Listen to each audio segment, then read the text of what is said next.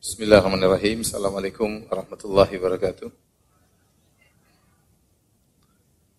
Alhamdulillahi ala ihsanih wa syukru lahu ala taufiqihi wa amtinanih wa ashadu an la ilaha illallah wahdahu la syarika lahu ta'ziman li sya'nih wa ashadu anna muhammadan abduhu wa rasuluhu da'ila ridwanih Allahumma salli alaihi wa ala alihi wa ashabi wa ikhwanih Hadirin hadirat yang dirahmati oleh Allah subhanahu wa ta'ala pada kesempatan kali ini kita akan bahas salah satu akhlak yang sangat buruk yaitu akhlak pelit ya, kikir.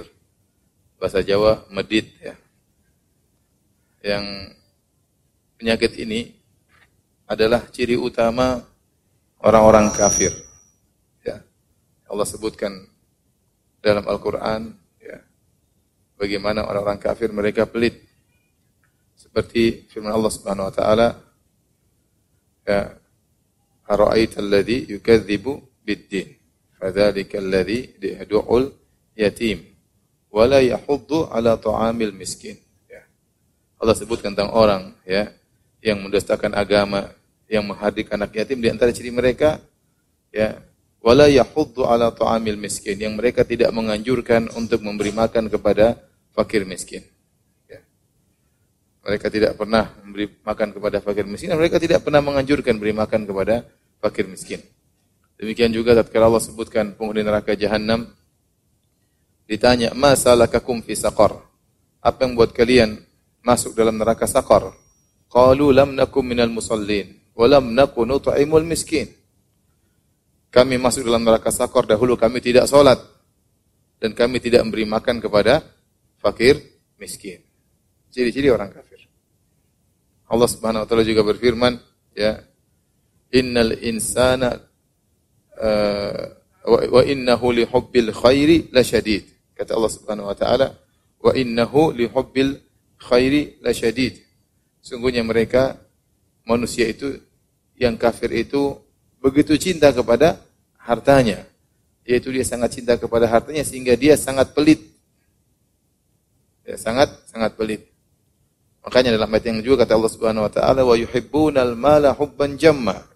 Orang-orang kafir itu sangat mencintai harta dengan kecintaan yang sangat dalam. Kalau dia sudah cinta kepada hartanya dengan sangat luar biasa, untuk mengeluarkannya dia pasti merasa berat. Makanya Allah sebutkan juga tentang orang-orang munafik. Kata Allah Subhanahu wa taala, wal munafiquna wal al munafiquna wal munafiqatu ba'dhum min ba'd. Orang-orang lelaki munafik wal munafiqat dan wanita-wanita munafik, sebagian mereka ya sama dengan sebagian yang lain ya. Kata Allah Subhanahu wa taala, ya'muruna bil munkar ya wa yanhauna 'anil ma'ruf wa yaqbiduna aydiyahum. Ciri-ciri orang munafik itu menyeru kepada kemungkaran, mencegah daripada kebaikan, wa yaqbiduna aydiyahum dan mereka menggenggam tangan mereka. Ditafsirkan yaitu mereka pelit. Kalau orang menjulurkan tangannya berarti bersedekah, tapi dia genggam tangannya artinya dia pelit. Sehingga sifat pelit ini adalah sifat yang buruk yang tidak pantas seorang muslim untuk pelit yang beriman akan adanya hari akhirat hendaknya tidak pelit. Karenanya Nabi SAW ya, berdoa dari sifat pelit. Di antara doa Nabi SAW, Allahumma inni a'udzubika minal hammi wal hazan wal ajzi wal kasri wal bukhli wal jubni wa dhala'id daini wa ghalabatir rijal. Ya Allah, aku berlindung kepadamu dari sifat dari alham, kesedihan yang berkaitan tentang masa depan, kekhawatiran. Wal husni, berlindung dari kesedihan yang berkaitan dengan masa masa lalu. Kemudian wal ajzi wal kasli dari ketidakmampuan dan dari kemalasan wal bukhli wal jubni dan aku berlindung kepada engkau dari sifat pelit dan pengecut. Jadi seorang berlindung kepada Allah dari sifat sifat pelit. Adapun sifat dermawan adalah sifat ya orang-orang beriman.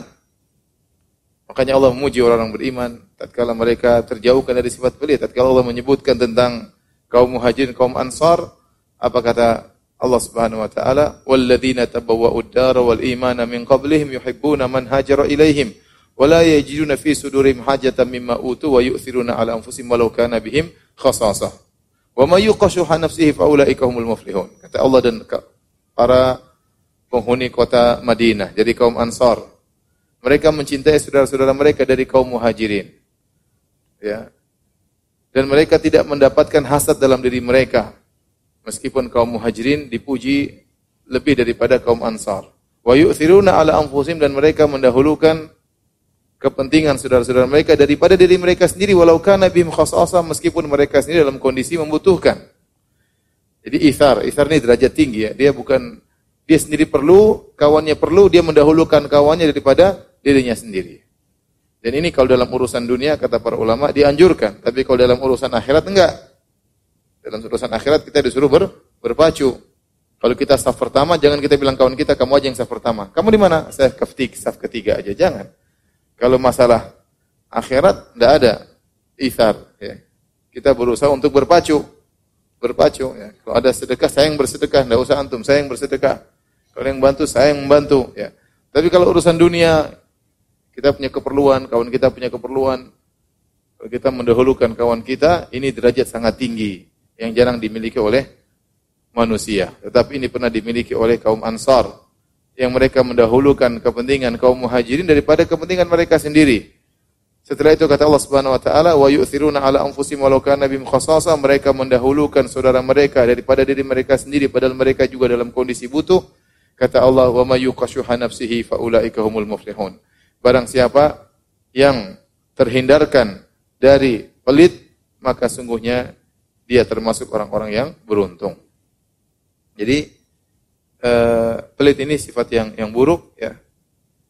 Dan Nabi SAW berlindung dari penyakit pelit dan lawannya adalah sifat dermawan yang merupakan sifat orang-orang yang yang beriman. Dalam satu hadis Nabi sebutkan bahwasanya sifat pelit di akhir zaman semakin bertambah, semakin semarak ya. Rasulullah SAW bersabda, "Ya taqarabuz zaman." Sungguhnya zaman terasa semakin dekat. Ya, sekarang zaman waktu begitu cepat ya. Dengan sarana transportasi yang begitu banyak dengan sarana komunikasi yang begitu canggih dengan sarana transportasi dengan sarana komunikasi menjadikan waktu terasa cepat berlalu. Waktu begitu cepat habis ya. Wayang wayang kusul amal dan di akhir zaman wayang kusul amal amal semakin berkurang. Wa yulqasyuh. Kemudian rasa pelit dilemparkan, tersebar. Wa tadharul fitan dan muncul fitnah di mana-mana. Wa yakthurul harju dan banyak terjadi al-harju. Qalu ya Rasulullah ayyuma huwa? Ya Rasulullah apa itu al-harju? Kata Nabi al-qatlu al-qatlu yaitu terjadi pembunuhan dan pembunuhan. Ini, ini ciri-ciri akhir zaman. Dan sekarang fitnah di mana-mana, kemudian juga pembunuhan di mana-mana, ya kalau dahulu kita dengar orang terbunuh satu atau dua atau tiga jadi heboh, sekarang di mana-mana kita dengar pembunuhan-pembunuhan jadi seperti suatu hal yang biasa. Di antara ciri akhir zaman kata Nabi SAW, wa yulqasyuh, dilemparkanlah rasa pelit. Ibnu Hajar menjelaskan, ai ilqahu fi qulubin nas al ahwalihim, yaitu rasa pelit dilemparkan masuk dalam dada-dada manusia dengan berbagai macam kondisi mereka. Sampai orang alim pun dilemparkan pelit dalam diri mereka. Hatta yabkhalul alim bi ilmihi. Sampai orang alim pelit dengan ilmunya. Dimintai ilmu berat untuk dia sampaikan. Dimintai fatwa susah untuk dia berfatwa. Dia merasa berat dengan ilmunya. Ya. Mau dia sampaikan, tidak dia sampaikan. Fayatrukat ta'lim wal fatwa. Sehingga akhirnya alim ini pun pelit, dia pun tidak mau mengajar, dan dia tidak mau berfatwa. Wa yabkhalu sani' bi sina'atihi hatta yatruka ta'lima ghairihi. Demikian juga ada orang yang pakar dalam bidang dunia, dia pun tidak mau mengajarkan ilmunya kepada orang lain. Wa yabkhalul ghani bimalihi.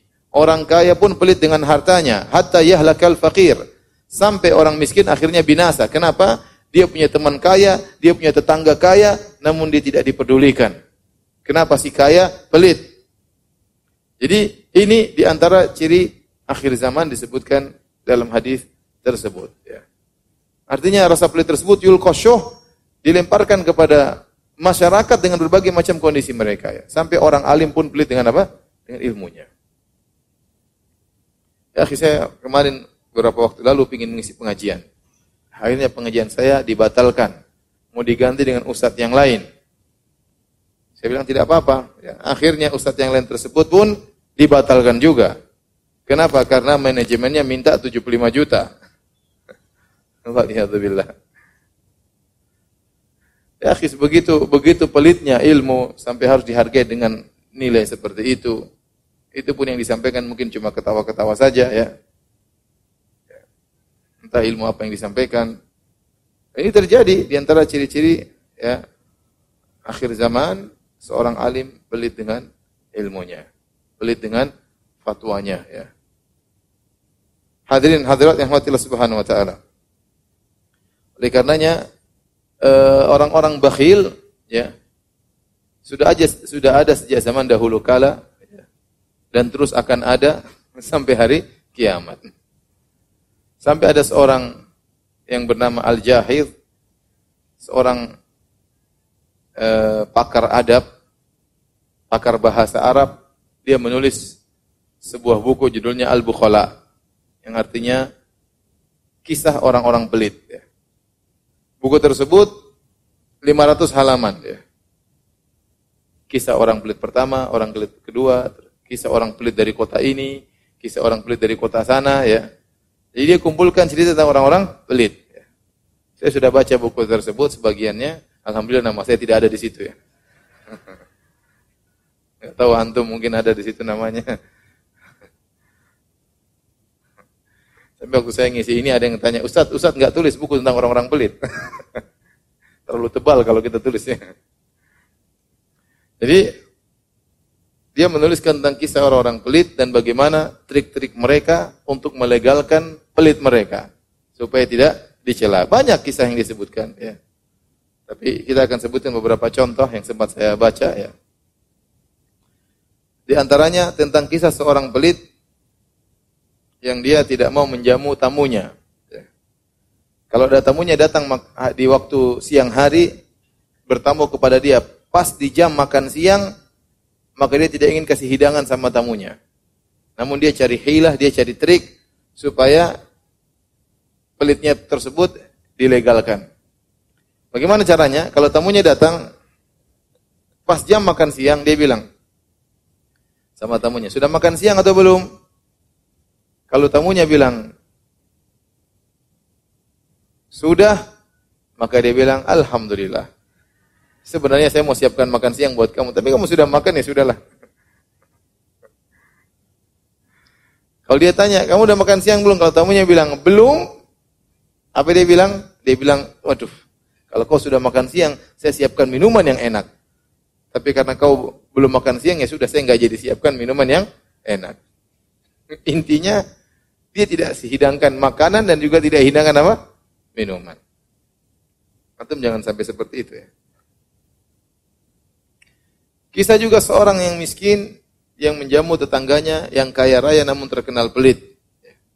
Pelit itu penyakit ya, ya. Kalau udah kena seorang luar biasa ya.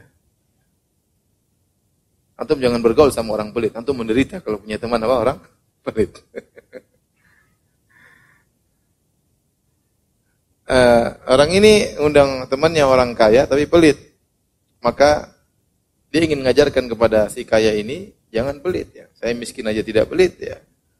Akhirnya dia undang si pelit ke rumahnya dan si miskin menyediakan makanan yang enak. Begitu diundang si kaya, dia begitu senang lihat makanan gratis di hadapan dia, maka dia pun makan dengan sebanyak-banyaknya. Mumpung gratis, dia makan, makan, makan, makan, makan di luar batas. Sampai akhirnya kekenyangan, sampai akhirnya sakit. Sakit dia.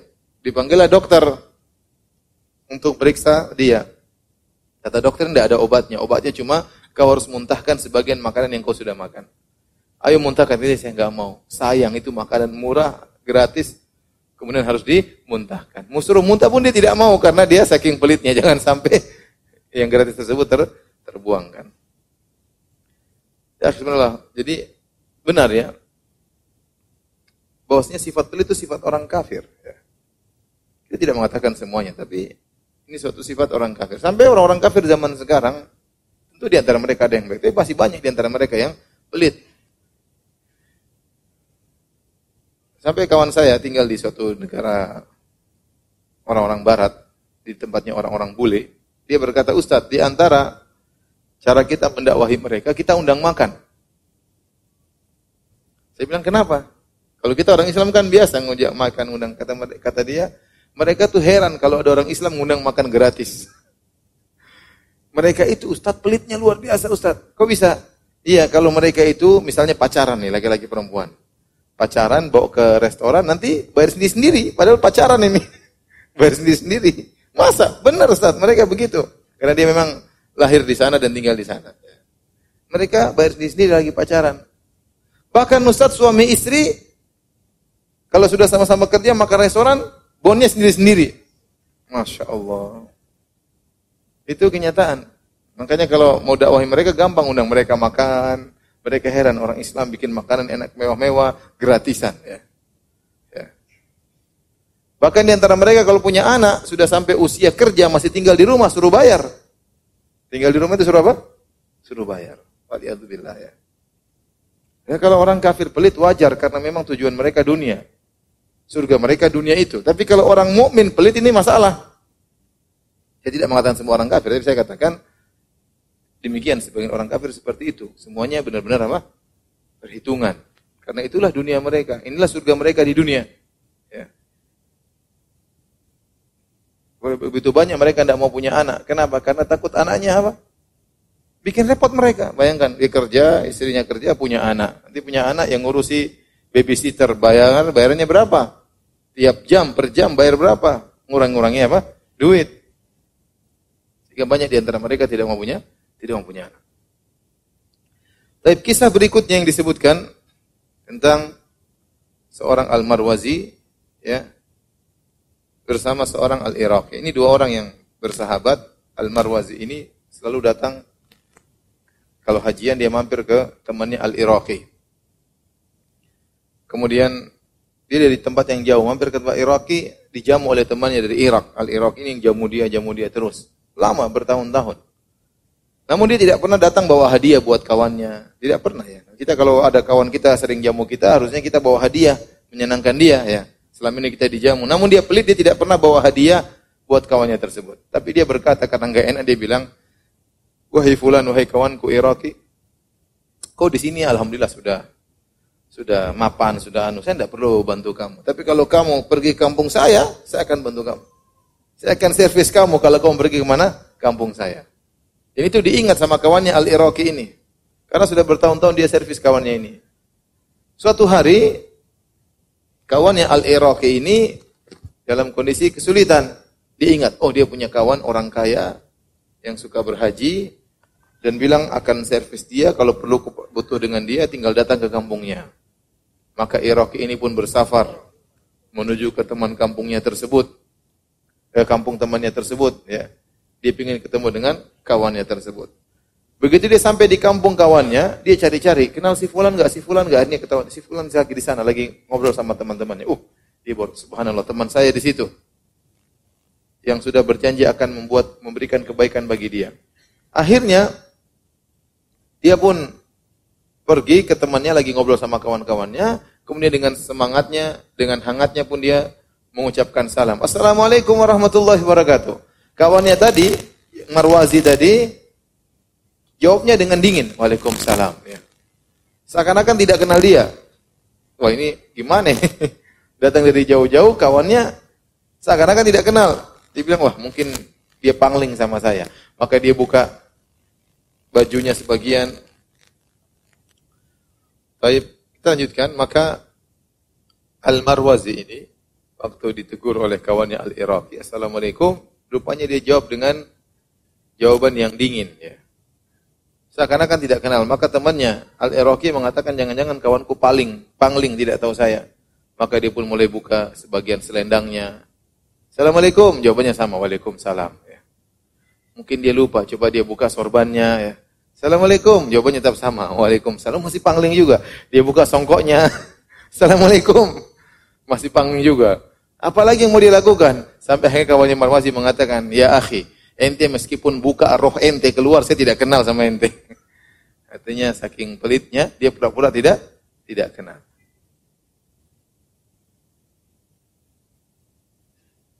Ada orang, ya, Saking pelitnya, disebutkan juga dalam buku tersebut, kalau saking pelitnya, pelitnya dia diajak makan bareng nggak pernah mau. Karena sunnah kita makan bareng, nggak mau dia. Kenapa? Dia takut bagian dia dimakan lebih banyak oleh orang lain. Gak mau dia, gak mau, nggak mau. Kenapa? Ya, nanti inti makan punya saya. Ya udah ente roti depan ente, roti saya depan saya. Ngapain kita cuma satu piring doang ya? Ah nanti ente makan punya saya. Subhanallah. Kalaupun saya makan apa pelit, tidak pingin ya bagiannya diambil oleh orang orang lain. Itu sebagian cerita-cerita orang pelit zaman dahulu ya. Adapun orang-orang pelit zaman sekarang ya tentu juga masih masih banyak ya. Saya kenal seseorang ya, sangat pelit. Istrinya ngomel-ngomel ya, ngeluh. Suami saya terlalu perhitungan ya. Uang seribuan, dua ribuan dihitung ya, repot. Kasihan. Menderita kalau punya suami apa? Pelit. Menderita. Sama, punya istri pelit juga menderita kita. Kita punya uang mau beli ini, enggak, jangan mas, enggak usah mas, mau ini, enggak, jangan mas. Apalagi berbakti sama orang tua, dilarang-larang sama istri, menderita kalau punya istri pelit. Membantu adik dilarang sama istri, uang kita kita kasih sama istri-istri yang pegang, waduh repot. Meminta sesuatu harus kasih majukan proposal, repot. ATM dia yang pegang, pinnya dia yang hafal, repot. Menderita. Ini kalau istri soleha, tidak pelit, alhamdulillah ya. Kawan ini ada yang pelit, ya. Dia kadang jemput kawan-kawannya pakai mobil. Eh, sudah sama saya aja naik mobil. Ya. Dia bawa mobil, jemput kawannya mungkin mau pengajian, mau ke mana. Jemput satu, jemput dua. Habis itu dia bilang, eh, bensinnya bayar bareng-bareng ya. bensinnya bayar bareng-bareng. Ini bukan pelit namanya, namanya narik, jadi naksi ya. Seperti itu ya. Ini bukan, ini hemat Ustaz. Bukan hemat. Beda antara hemat dengan pelit. Ya. Jangan beralasan dengan apa? Hemat. Hemat dituntut, tapi sampai pada derajat pelit itu tercela.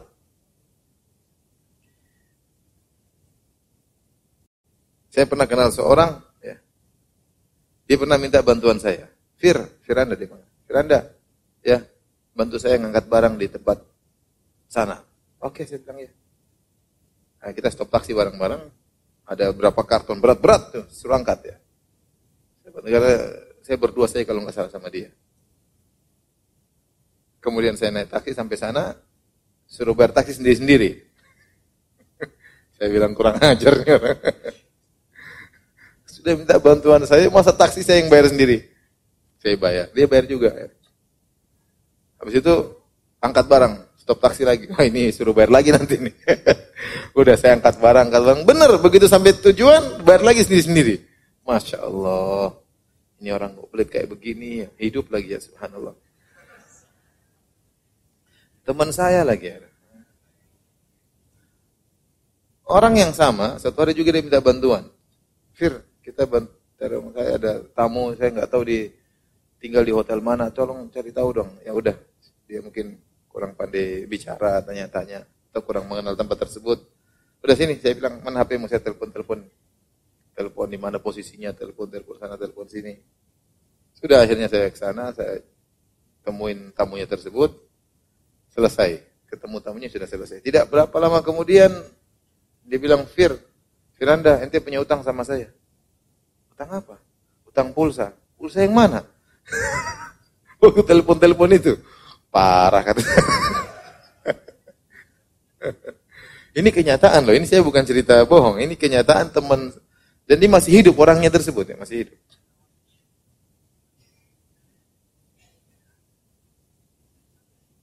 Jadi eh, apa namanya?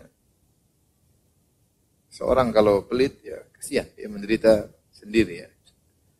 Buat temannya sekitarnya juga ikut apa? Ikut menderita. Banyak ayat dalam Al-Quran yang menjelaskan tentang bahayanya pelit atau buruknya pelit. Di antaranya dalam surat Ali Imran ayat 180. Kata Allah Subhanahu wa taala, Wala yahsabanna alladhina yabkhaluna bima atahumullahu min fadlihi wa khairan lahum bal huwa syarrul lahum. Janganlah orang-orang yang pelit mereka menyangka orang-orang pelit yang Allah telah berikan kepada mereka karunia, mereka punya karunia Allah berikan kepada mereka. Dan mereka pelit, mereka menyangka sifat pelit tersebut huwa khairul lahum, lebih baik bagi mereka. Logikanya sederhana, saya pelit, uang saya tambah banyak. Saya pelit, uh, deposit saya lebih banyak. Saya pelit, saldo saya terjamin. Dia pikir seperti itu. Kata Allah, "Wala yahsabanna alladziina yabkhaluna bima atahumullah min fadlihi huwa khairul lahum." Janganlah orang yang pelit menyangka sifat pelit itu lebih baik bagi mereka. Kata Allah, "Bal huwa syarrul lahum." Bahkan pelit tersebut lebih buruk bagi mereka. Sayutawwaquna ma bakhilu bihi yaumal qiyamah.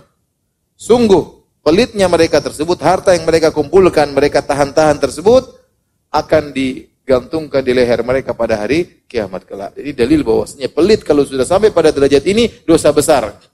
Kenapa diancam dengan ancaman khusus? Bahwasanya harta yang mereka tahan-tahan tersebut, mereka simpan-simpan tersebut, mereka irit-irit tersebut akan digantungkan di leher mereka sebagai siksaan bagi mereka pada hari kiamat kelak. Ini bahaya. Makanya orang ngapain pelit-pelit? Ingat harta datang dan pergi kita keluarkan harta pada tempatnya, Allah akan gantikan ya. Jadi orang pelit ini ya sampai keluarganya membutuhkan tidak dia pedulikan, tetangganya membutuhkan dia pelit ya. Istrinya membutuhkan tidak dia penuhi. Nah ini akhirnya.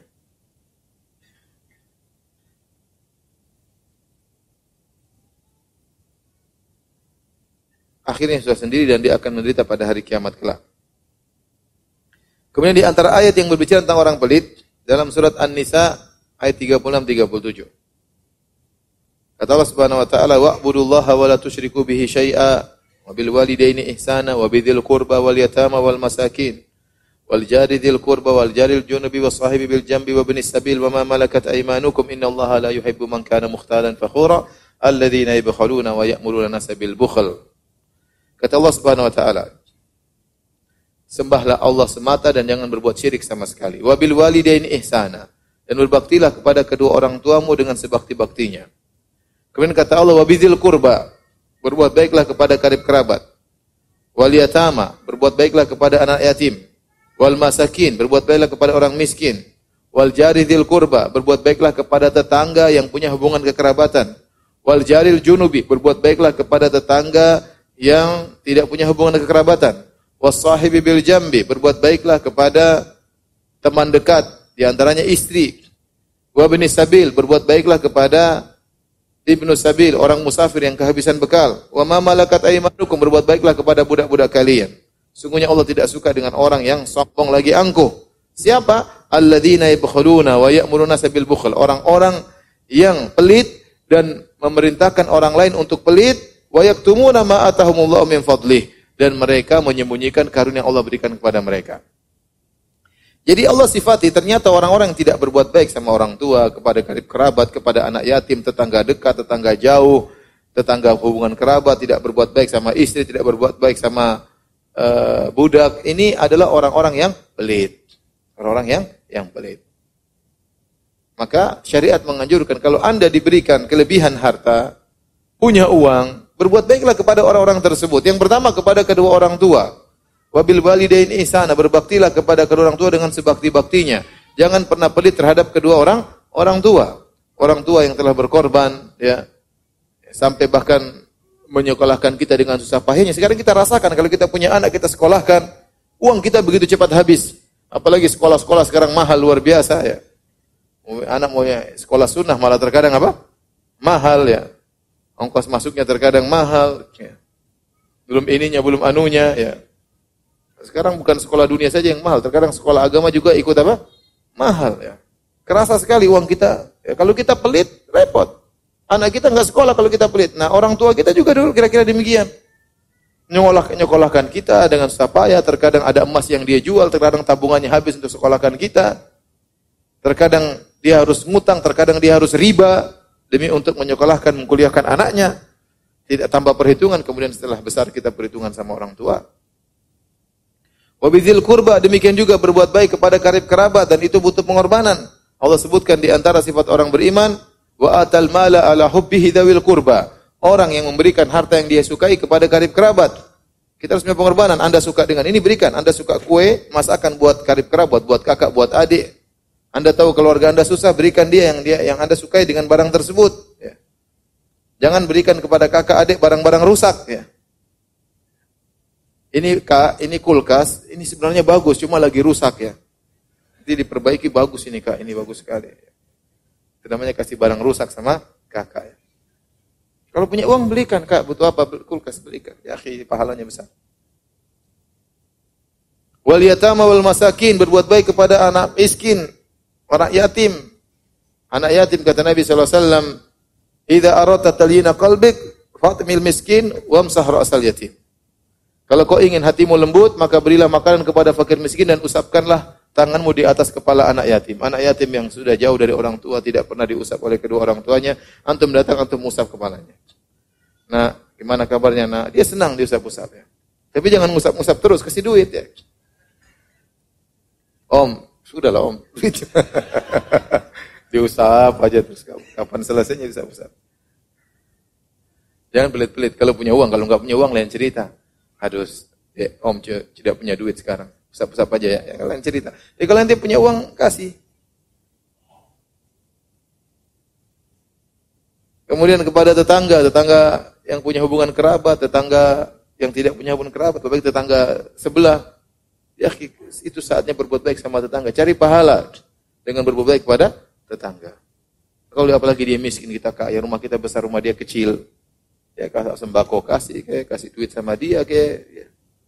cari pahala sampai kata Allah Subhanahu wa taala ya wasahibi bil jambi kepada teman dekat kita punya kawan dekat setiap hari berjalan apa konsekuensi kita sebagai kawan ya kalau dia punya keperluan kita bantu ya kalau percuma kita berkawan dia punya keperluan dia punya kebutuhan tidak kita bantu apa fungsi sebagai kawan sebagian ulama menafsirkan wasahibu bil jambi maksudnya istri Istri jangan pelit sama sama istri. Jangan pelit sama sama istri. Ada kasus saya hadapi suami istri berantem. Kenapa? Karena suaminya belum lunas maharnya. Istrinya nuntut, kamu mahar kurang sampai sekarang udah punya udah nikah belasan tahun ya Ya salah, istri suaminya salah, maharnya belum lunas, istrinya nuntut. Tapi taruhlah kekurangannya cuma 5 juta. Kenapa dituntut lagi? Sudahlah. Sementara suaminya mungkin sudah memberikan dia ratusan juta mungkin kepada sang istri tidak pernah perhitungan. Dituntut mana 5 juta yang atau 7 juta lah, atau lah 10 juta lah. Ngapain ribut suami istri? Saya sampai dengar itu sedih. Masa begini-begini perhitungan suami istri? Kita suami, ya harusnya kita lunasi mahar tersebut untuk istri kita. Terus istri juga jangan nuntut-nuntut ya. Begitu saja dituntut.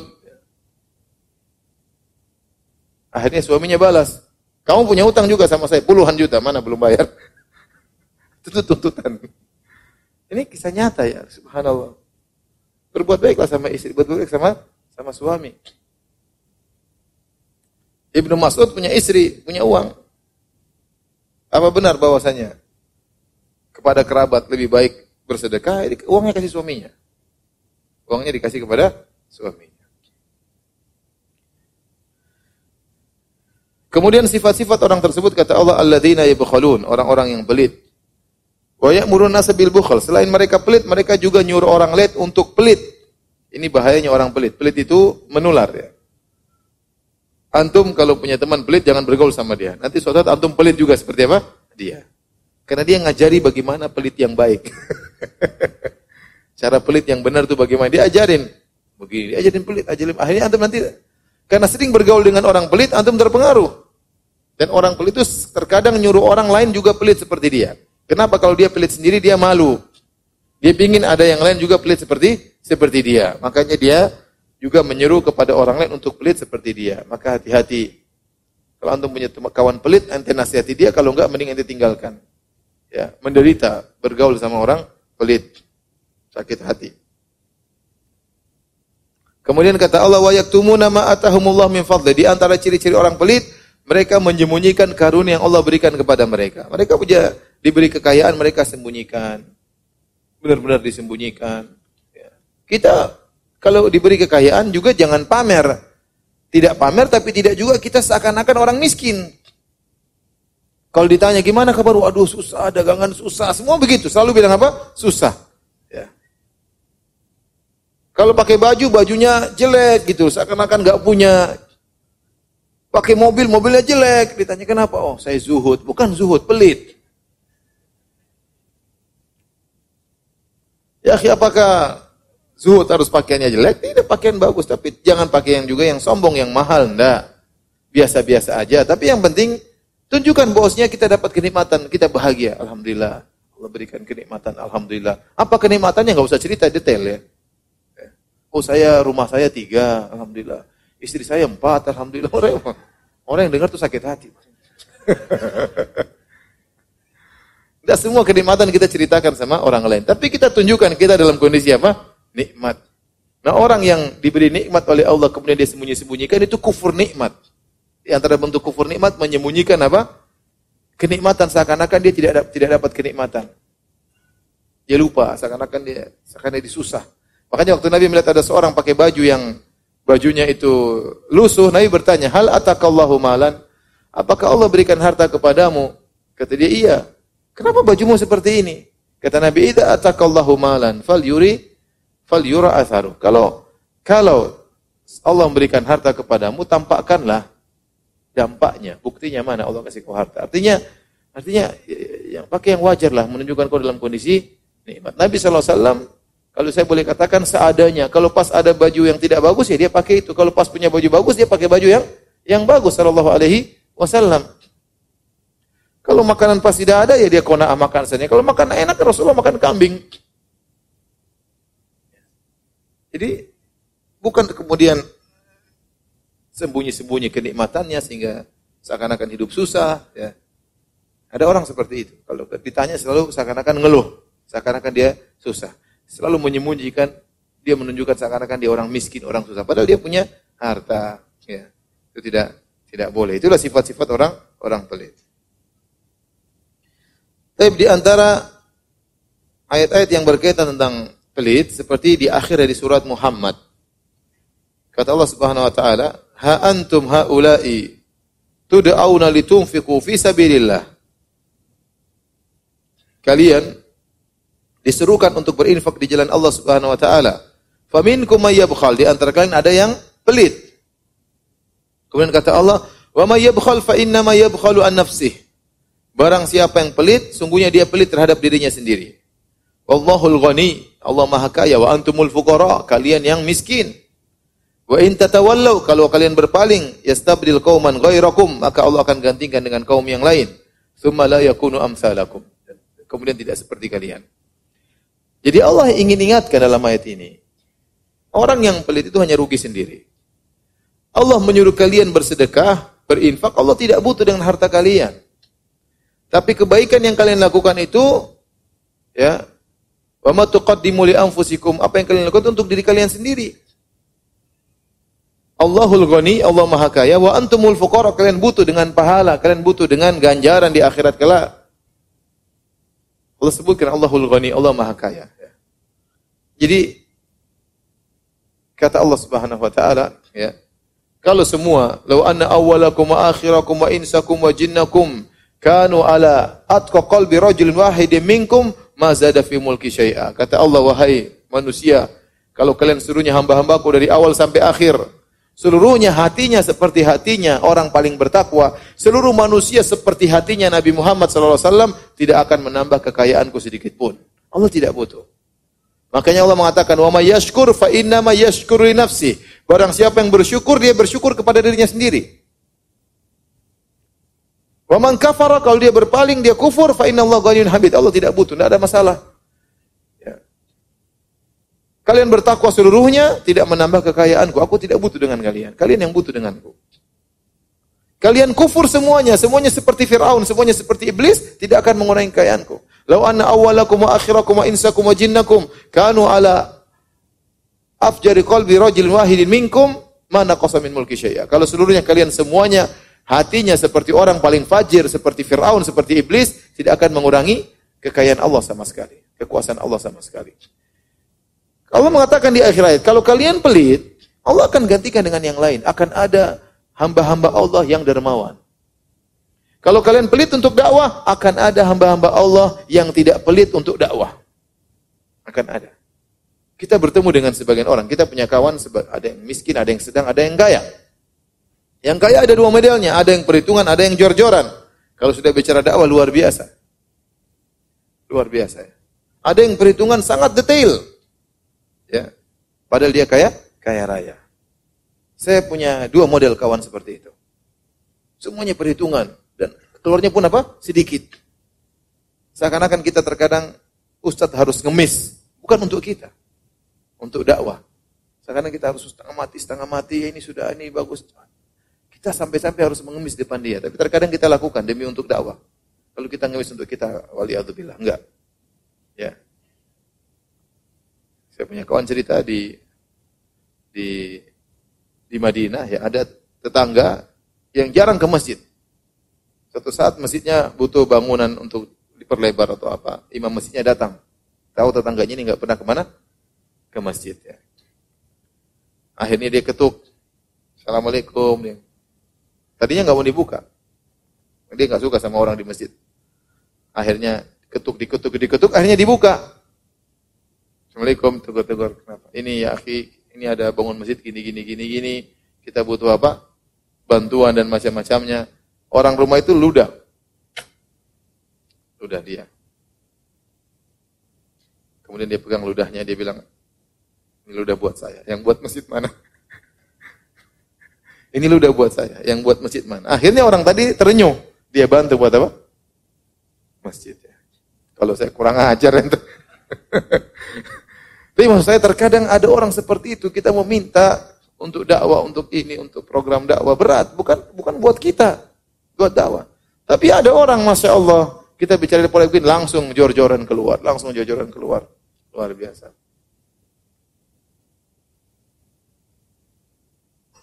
Saya ketemu sebagian orang cerita ini ada tanah begini begini begini butuh untuk gini gini untuk di kota lain di luar Jakarta butuh berapa harganya?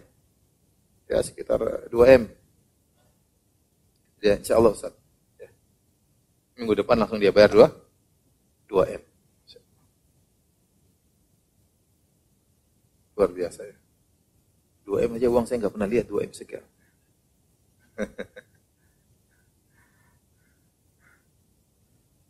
saya paling banyak pernah pegang uang 100 juta.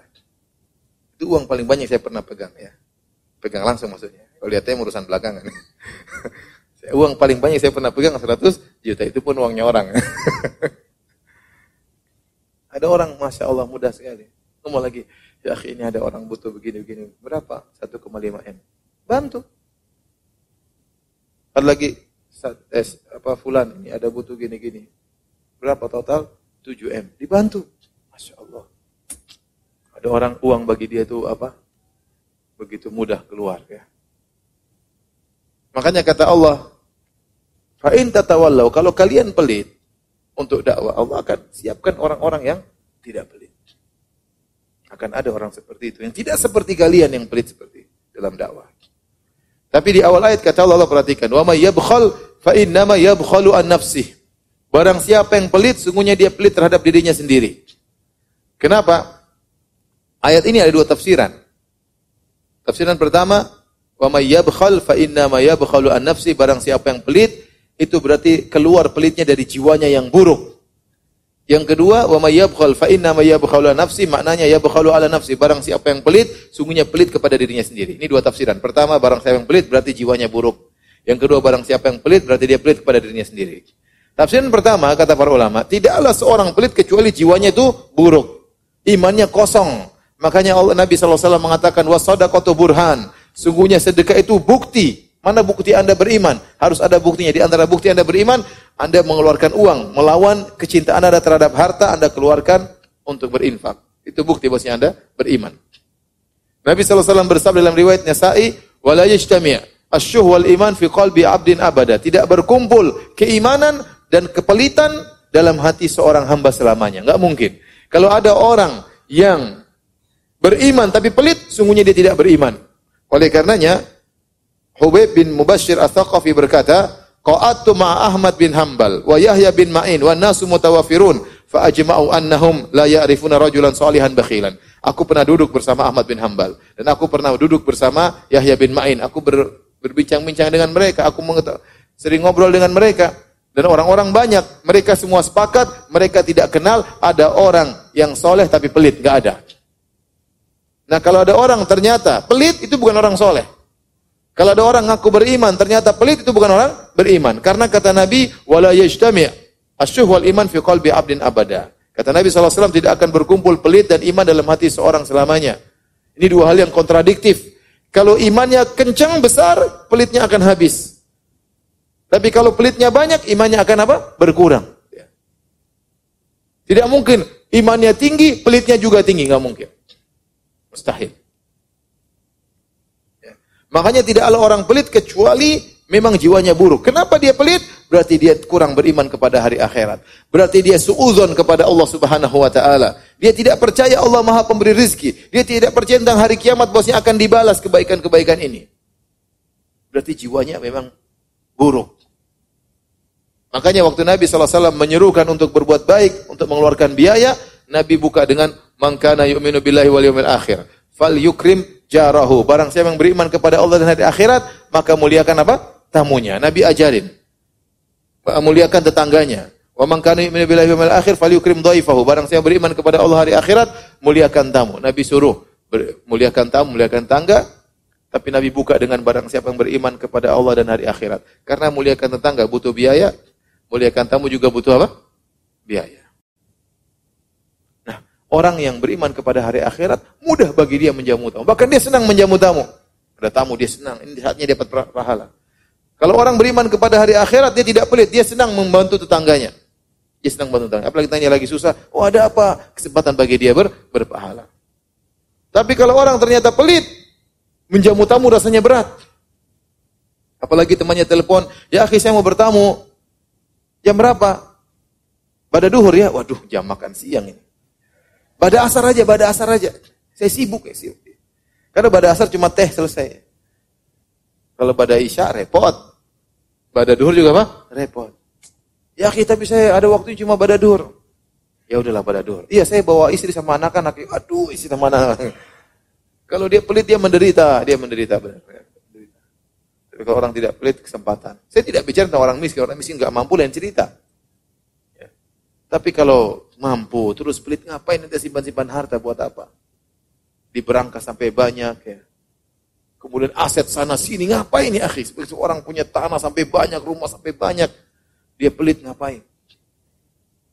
Harta harta itu hanya bikin dia binasa pada hari kiamat kelak. Kalau Anda punya aset banyak tidak pelit, nggak apa-apa. Silakan. Punya aset banyak juga tidak pelit. Jadi tafsiran pertama, orang tidaklah dia pelit kecuali jiwanya itu buruk. Jiwanya sangat sangat buruk. Tafsiran kedua, kata Allah Subhanahu wa taala, "Ma yabkhal fa inna ma yabkhalu an nafsih." Barang siapa yang pelit, ai ala nafsi. Barang siapa yang pelit berarti dia pelit terhadap dirinya sendiri. Ini yang ini lebih kuat tafsiran kedua ini. Orang yang pelit itu berarti dia pelit pada dirinya sendiri. Kenapa? Akhirnya dia menghalangi banyak kebaikan buat dirinya. Ada kebaikan dia tidak mau ambil. Dia pelit sama dirinya sendiri. Di dunia maupun di akhirat. Contoh orang yang bersedekah kalau di dunia. Apa kata Nabi SAW dalam Sahih Muslim? Mana qasat sadaqatun min mal. Kata Nabi tidak sedekah tidak mengurangi harta.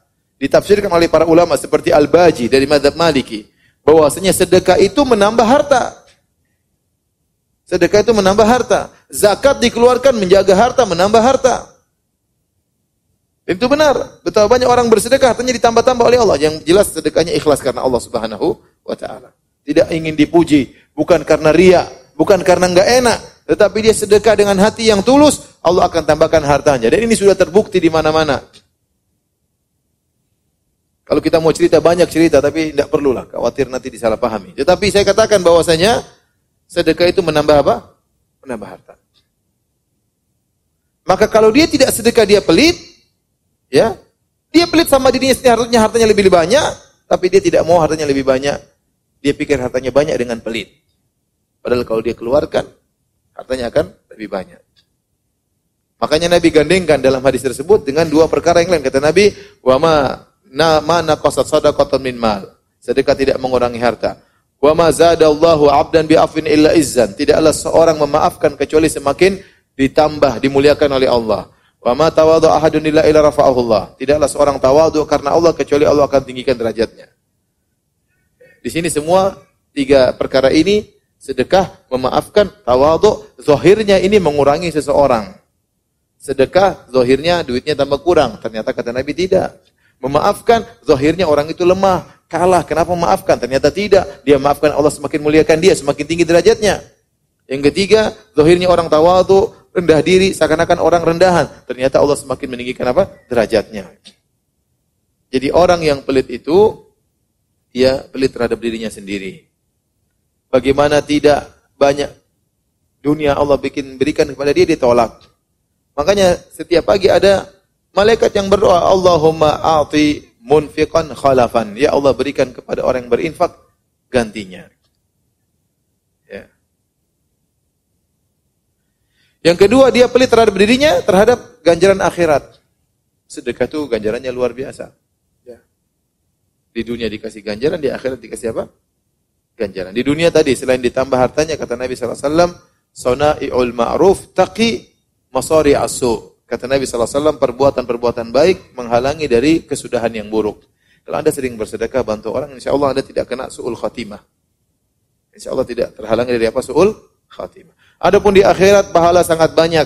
Kata Nabi, kullu mri'in tahta sadaqatihi yaumal qiyamah. Setiap orang akan dibawa naungan sedekahnya pada hari kiamat. Tatkala matahari jaraknya satu mil, hari yang sangat panas dan terik, tidak semua orang di bawah naungan yang teduh. Di antaranya seorang akan dinaungi oleh sedekahnya. Semakin dia banyak sedekah, semakin banyak naungannya akan menaungi dia pada hari kiamat kelak. Belum pahala ganjaran yang Allah akan berikan di surga kelak. Jadi orang yang pelit itu sungguhnya dia pelit terhadap dirinya sendiri. Taib. Yang terakhir kita akan bahas tentang bagaimana nasib orang pelit di dunia. Orang pelit di dunia, orang yang bakhil itu orang yang menderita. Nabi telah memberikan perumpamaan tentang orang yang pelit dengan orang yang rajin bersedekah seperti seorang yang terikat tangannya sampai di lehernya kemudian dia pakai baju besi kalau orang bersedekah, kullama hamma bisadaqah, setiap dia ingin bersedekah, maka bajunya semakin meregang, meregang, meregang. Waktu sedang meregang, tangannya lebih luas, maka hatinya lebih lapang. Makanya orang yang bersedekah itu orang yang paling bahagia. Bagaimana tidak bahagia? Dia memberikan kebahagiaan kepada orang lain. Orang kalau kita bantu, senang atau tidak? Senang luar biasa. Kita berikan sembako, kita berikan bantuan. Ya. Senangnya luar luar biasa. Ya. Nah, tatkala kita membagi kebahagiaan kepada orang lain, Allah akan berikan kebahagiaan kepada kita. Maka orang yang tidak pelit itu orang bahagia. Tetapi orang yang pelit, kata Nabi SAW, tatkala dia ingin bersedekah, maka badannya, bajunya semakin sempit, semakin sempit, dia semakin sesak bernafas. Kenapa dia pelit? Makanya orang yang pelit suka marah-marah.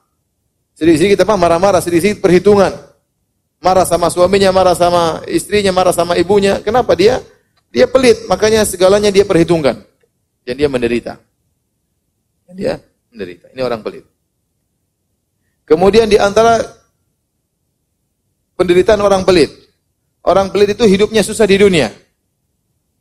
Kemudian di akhirat hisapnya susah juga. Makanya dikatakan al-bukhala atau al-bakhil ya'ishu aishal fuqara wa yuhasabu hisabal agniya. Hafal perkataan ini. Orang pelit itu hidupnya seperti dia orang kaya tapi dia pelit. Dia hidupnya seperti orang miskin, hisapnya hisapnya orang kaya. Ya. Kenapa? Betapa banyak kebahagiaan ingin dia tinggalkan gara-gara pelitnya. Ada makanan enak, aduh mahal sekali. Gak jadi makan enak. Ya. Mau ke mana-mana, cari yang paling murah. Duit banyak, naik pesawat selalu yang paling ekonomi. Ya kalau sesekali, nah, oh, duit banyak, ngapain tuh ente kapan nikmati duit ente? Ya. Cari hotel yang paling murah, subhanallah. Ini kita, kalau kita oke okay lah, duit nggak punya ya. Kalau nggak perlu, nggak nggak nggak usah apa namanya di hotel ya. Saya dulu masih ingat saya sama istri saya, apa namanya, masih di Madinah, masih sekolah. Kita umroh, kita cari hotel yang paling murah lah. Karena gaji apa namanya mukafa beasiswa terbatas. Cuma 900 real per bulan. Pas umroh, istri saya bilang, Abi, cobalah di hotel lah yang mewah itu. Mana? Itu Hilton. Ya udah, ayo pergi tanya.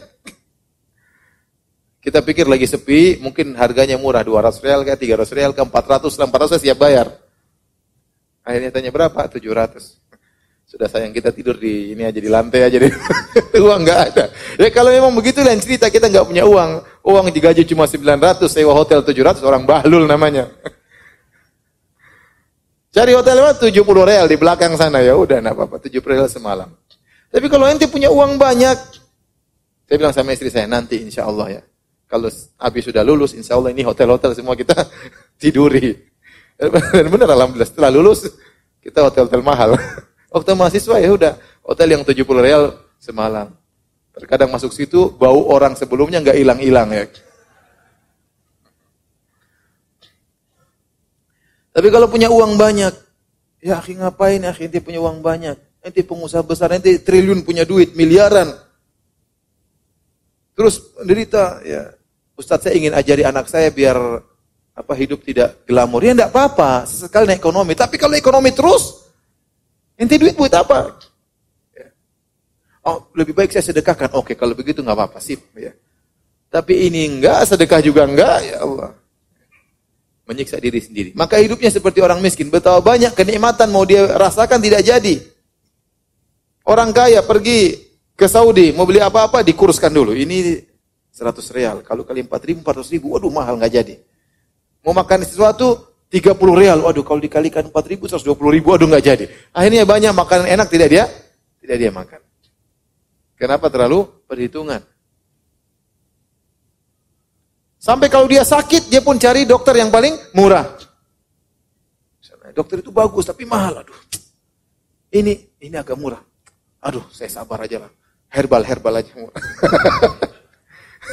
Iya kalau herbalnya menyembuhkan. Kalau ternyata karena pelit, aduh repot.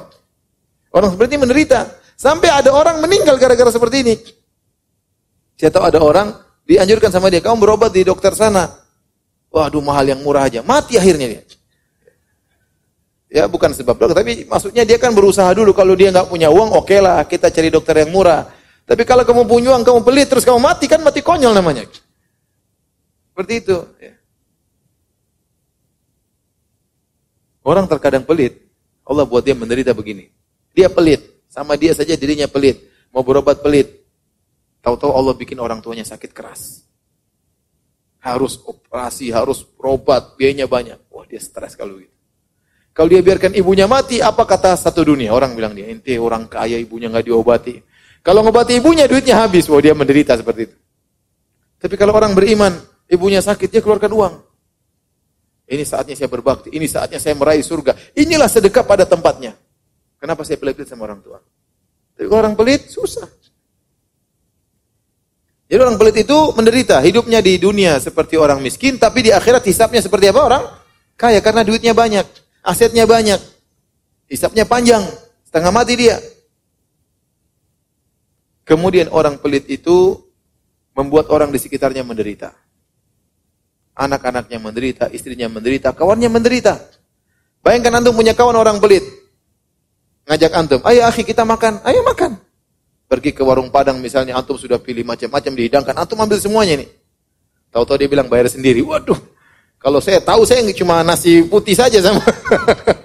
Ternyata kan menderita. Dan orang seperti itu ngajak-ngajak makan sampai di sana suruh bayar sendiri sendiri. Wah ini parah itu. Namanya bukan ngajak makan itu. Ada orang pelit seperti itu ada. Ente menderita lihat dia kaya kok. Ente tuh ngenes gitu lihat ini orang kaya kok pelitnya luar biasa. Makanya ente jangan bergaul sama orang pelit. Ente menderita nanti. Yang paling menderita tadi kalau punya suami pelit.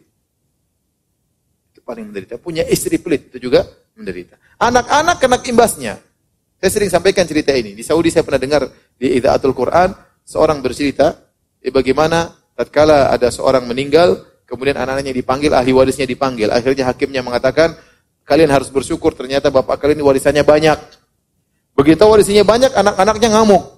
Oh, ngamuk. Kenapa ngamuk? Ternyata selama ini kita hidup susah, ternyata bapak kita apa? Kaya. Malah marah sama bapaknya. Repot kalau punya orang tua yang yang pelit. Ya. Punya suami yang yang pelit. Ya. Kalau anak sakit tidak begitu diperhatikan, mau masuk emergensi dia hitung-hitung duit bakalan keluar berapa, susah. Sampai istrinya kalau ada kejadian ada istrinya naik mobil kecelakaan yang dia tanya pertama gimana mobilnya? Bukan istrinya ditanyakan, mobilnya gimana?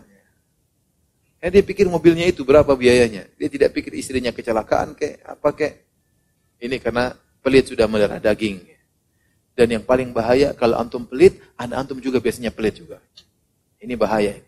Antum mengajarkan pelit kepada anak antum sedikit-sedikit pelit, jangan, jangan, jangan. Eh kamu kalau makan jangan depan teman-teman ya. Jangan ngajak teman-temanmu ke sini. Jadi anak kita kita ajarin pelit.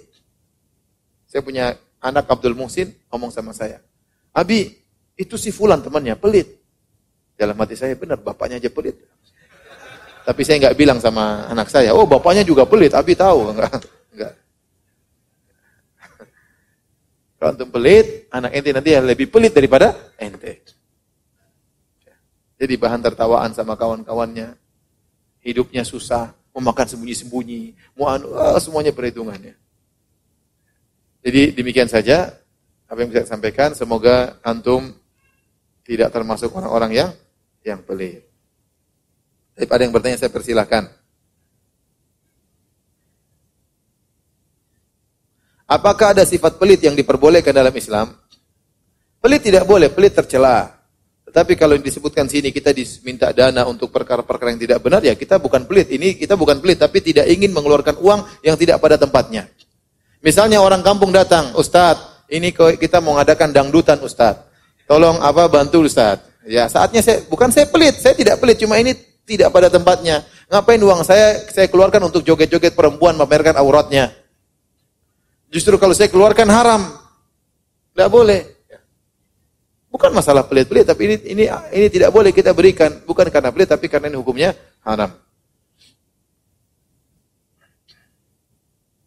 Ustadz, bagaimana jika ada seorang yang ingin meminjam uang kepada kita dan dia sangat butuh, padahal kita tahu sepertinya orang tersebut tidak mampu membayarnya. Apa kita harus tetap meminjamkan uang? Terserah kita. Ya. Kalau antum punya uang berlebihan, ya nggak usah pinjamkan kasih kalau antum punya uang berlebihan. Antum kasih aja. Ya, kalau ente keluarkan uang, uang ini akan menjadi saldo antum di akhirat. Uang yang antum buat ini, buat anu, buat a ini tidak ada manfaatnya di akhirat. Tapi yang antum keluarkan di jalan Allah itulah yang akan menjadi tabungan antum di di akhirat. Investasi antum di akhirat. Ya. Kalau kita bilang apa namanya? Inilah ya apa namanya? Investasi antum di di akhirat. Dan memberi bantuan kepada orang lagi sangat butuh, pahalanya lebih besar. Ya. Kata Allah Subhanahu wa taala, falaqtahamal aqabah fama adraka mal aqabah fakku raqabah aw it'amun fi yaumin dhi masghabah yatiman dha maqrabah aw miskinan dha matrabah kata Allah Subhanahu wa taala kenapa dia tidak melewati aqabah yaitu perkara-perkara yang berat yang bisa dia lewati agar dia masuk surga apa itu rintangan-rintangan yang harus dilewati supaya masuk surga kata Allah fakku raqabah merdekakan budak ini butuh biaya Membebaskan budak itu biayanya besar sekali itu. Au it'amun fi yaumin dhi masghaba atau memberi makan kepada fakir miskin di saat lagi kekurangan makanan. Ya. Yatiman dha makrabah atau anak yatim punya hubungan kekerabatan. Au miskinan dha matrabah atau orang miskin yang tidak punya kecuali tanah. Itu orang miskin sangat miskin. Sehingga kata para ulama, sedekah itu semakin besar pahalanya tatkala kebutuhannya semakin tinggi. Berikan orang yang lagi butuh dengan orang yang kurang butuh lebih besar pahalanya bagi orang yang sangat apa? membutuhkan. Nah kalau ternyata kita tahu kawan kita lagi benar-benar butuh dan kita punya uang kasih. Kalau kita tidak mampu memberikan seluruhnya, kasih sekedarnya. Paling tidak mengurangi apa? Beban. Tidak harus kita bantu seluruhnya. Makanya Nabi mengatakan, Man kurbatan. Barang siapa yang merenggangkan kesusahan saudaranya. Tidak mesti hilang. Nafas tadinya nafasnya sesak, jadi agak renggang. Tidak harus sembuh total. Tapi kalau antum ikut meringankan, Allah akan meringankan penderitaan antum pada hari, hari kiamat kelak. Jadi kalau kita punya uang kasih aja, apalagi kita, apalagi kita kenal orang ini, ya. Dan kita tahu meskipun kita tahu dia tidak bisa bayar, ya sudah anggap dia sedekah. Kita bilang ya udah ambil aja. Dia bisa bantu, dia bisa bayar alhamdulillah. Kalau nggak bisa juga ada masalah. Kecuali kalau antum juga tidak punya. Saya pernah ceramah tentang keutamaan memberi pinjaman kepada orang lain. Udah lama, tahun berapa? Tahun 2000, 2001 mungkin. Saya ceramah di Jogja. Saya masih kuliah waktu itu, 2002, 2002 sekitar gitu. Saya ceramah tentang keutamaan memberi pinjaman kepada saudara. Bahwasanya kata Nabi, as-salafu yajri majra syatri sadaqah. Bahwasanya minjamkan uang itu pahalanya seperti setengah sedekah. Kalau antum minjamkan uang satu juta sama orang, seperti antum bersedekah lima ratus ribu. Pahalanya besar. Setelah saya ceramah, habis saya ceramah, saya langsung pulang ke rumah. Rumah saya masih kontrakan, belum diplester ya. Datang orang ketuk pintu. Ustaz, Assalamualaikum. Salam silakan. To poin aja Ustaz. Tadi ceramah antum bagus. Saya pinjam uang Ustaz. ini ngetes imannya Ustaz ini. saya bilang kau darulah akhi, saya juga punya utang sama orang. saya belum bisa pinjamkan antum uang. Tetapi kalau kita punya uang kita kasih sama, sama orang. Ya. Insya Allah Allah akan mengurangi penderitaan kita pada hari kiamat kelak.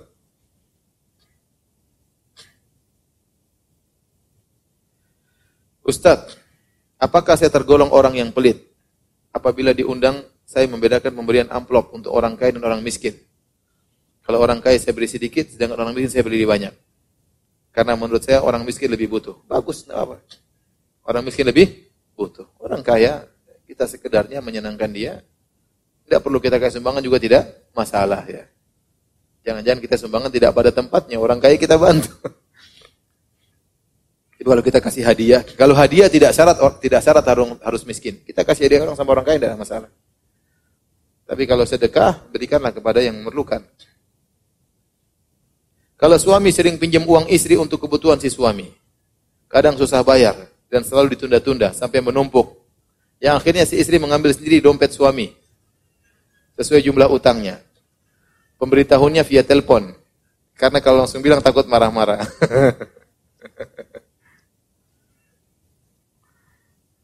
Suami nggak bayar utang tapi dompetnya uangnya apa? Banyak.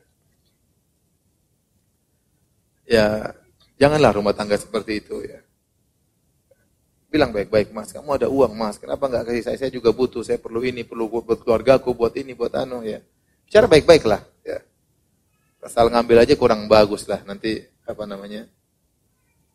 Mas sudah jatuh tempo mas. ya bicaralah suami istri tidak hidup seperti itu. Kita suami istri bukan teman kongsi dagang yang harus hitungan dengan hitungan detail. Ya, suami istri hidup ya. Kita kawan berjalan dalam rumah tangga, saling memahami, saling maafkan, memahami kekurangan. Ya. Nasihati suaminya dengan baik, tapi jangan langsung ambil duit dari apa? Dompetnya.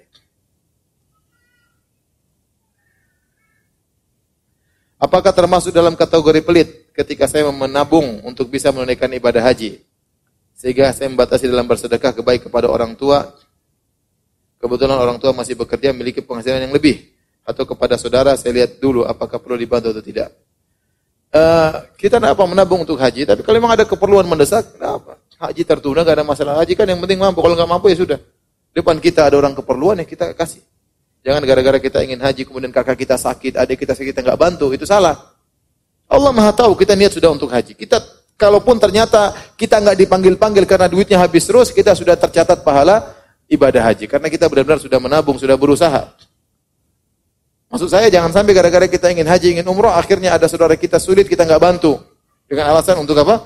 Umroh. Ya, ada yang lebih penting. Umroh tidak wajib, haji tidak wajib kalau tidak mampu depan kita ada keperluan mendesak. Ya, saudara kita tidak ada yang bantu kecuali kita, kemudian kita pelit, maka saya rasa tidak tepat.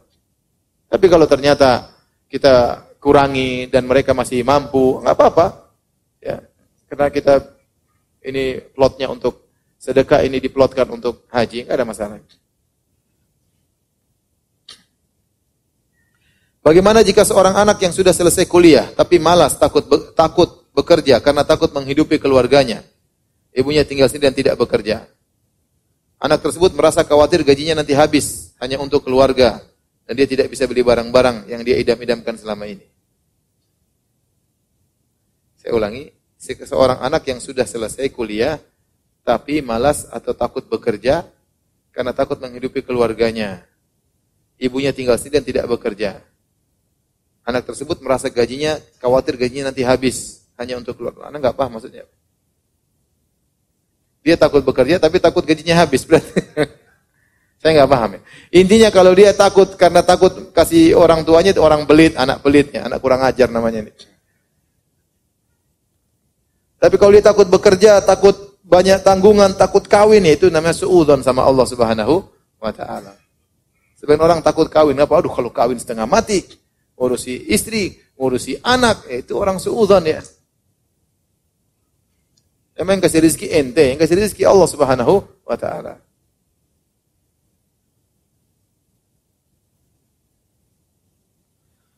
Apakah menolak telepon dan video call dari ikhwan yang bukan mahram termasuk pelit? Apakah menolak telepon dan video call dari ikhwan yang bukan mahram termasuk pelit? Ngapain pakai video call? Enggak pelit, itu tepat ya. Ngapain? Fitnah wanita, fitnah pria. Ustadz apa hukumnya menabung secukupnya untuk masa depan? Gak apa-apa menabung itu boleh. Yang penting jangan sampai apa? Pelit. Menabung, kita rencanakan, kita anggarankan. Gak ada masalah. Tapi jangan pelit. Intinya jangan apa? Jangan pelit. Karena hanya menabung akhirnya semuanya irit. Sampai anak hidup susah, makannya diirit-irit. Telur goreng satu bagi empat, wah repot.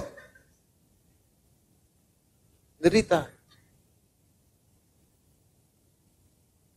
Saya terus terang ya, hidup di satu tempat dulu waktu orang tua saya tidak kaya. Tapi kita di Papua, di Papua itu biasa kalau makan itu judul menunya bukan satu, itu biasa. Bukan orang kaya, memang begitu gaya hidup jadi. Makan ada ikannya, ada telurnya, ya. Ada tempenya, sayurnya terkadang satu, terkadang dua, ya. Biasa. Sampai saya pergi ke negara lain, bukan ke negara, ke kota lain. Judulnya cuma satu-satu saja. ya kalau nggak punya nggak apa-apa, tapi kalau punya, kenapa kita harus menyusahkan apa? Diri. Kalau miskin, nggak punya nggak ada masalah. Ya. Tapi kalau punya, ngapain kita susahkan diri kita? Silakan makan yang Allah halalkan. Yang tidak boleh itu berlebihan atau karena sombong. Ya. Mentang-mentang kaya kemudian datang selalu ke restoran mewah yang mahal-mahal cerita sana sini. Oh saya makan di sana stick harganya 2 juta pamer-pamer. Ya. 2 juta ente bahlul makan stick 2 juta. Makan ini, makan makanan ini, restoran Jepang, restoran Cina, restoran Belanda, restoran Buat pamer nggak boleh. Kalau ente suka nggak apa-apa, ente punya duit makan. Tapi jangan terlalu mahal dan tidak boleh untuk apa? Sombong, nggak boleh. Adapun kita punya uang terus kita pelit, ini tidak diperbolehkan ya. Tapi demikian saja kajian kita para hadirin hadirat Allah Subhanahu wa taala. Semoga Allah menjadikan antum orang-orang yang dermawan, tidak pelit dan semoga Allah menerima amal ibadah kita. Subhanakallah bihamdik asyhadu an la ilaha illa anta Assalamualaikum warahmatullahi wabarakatuh.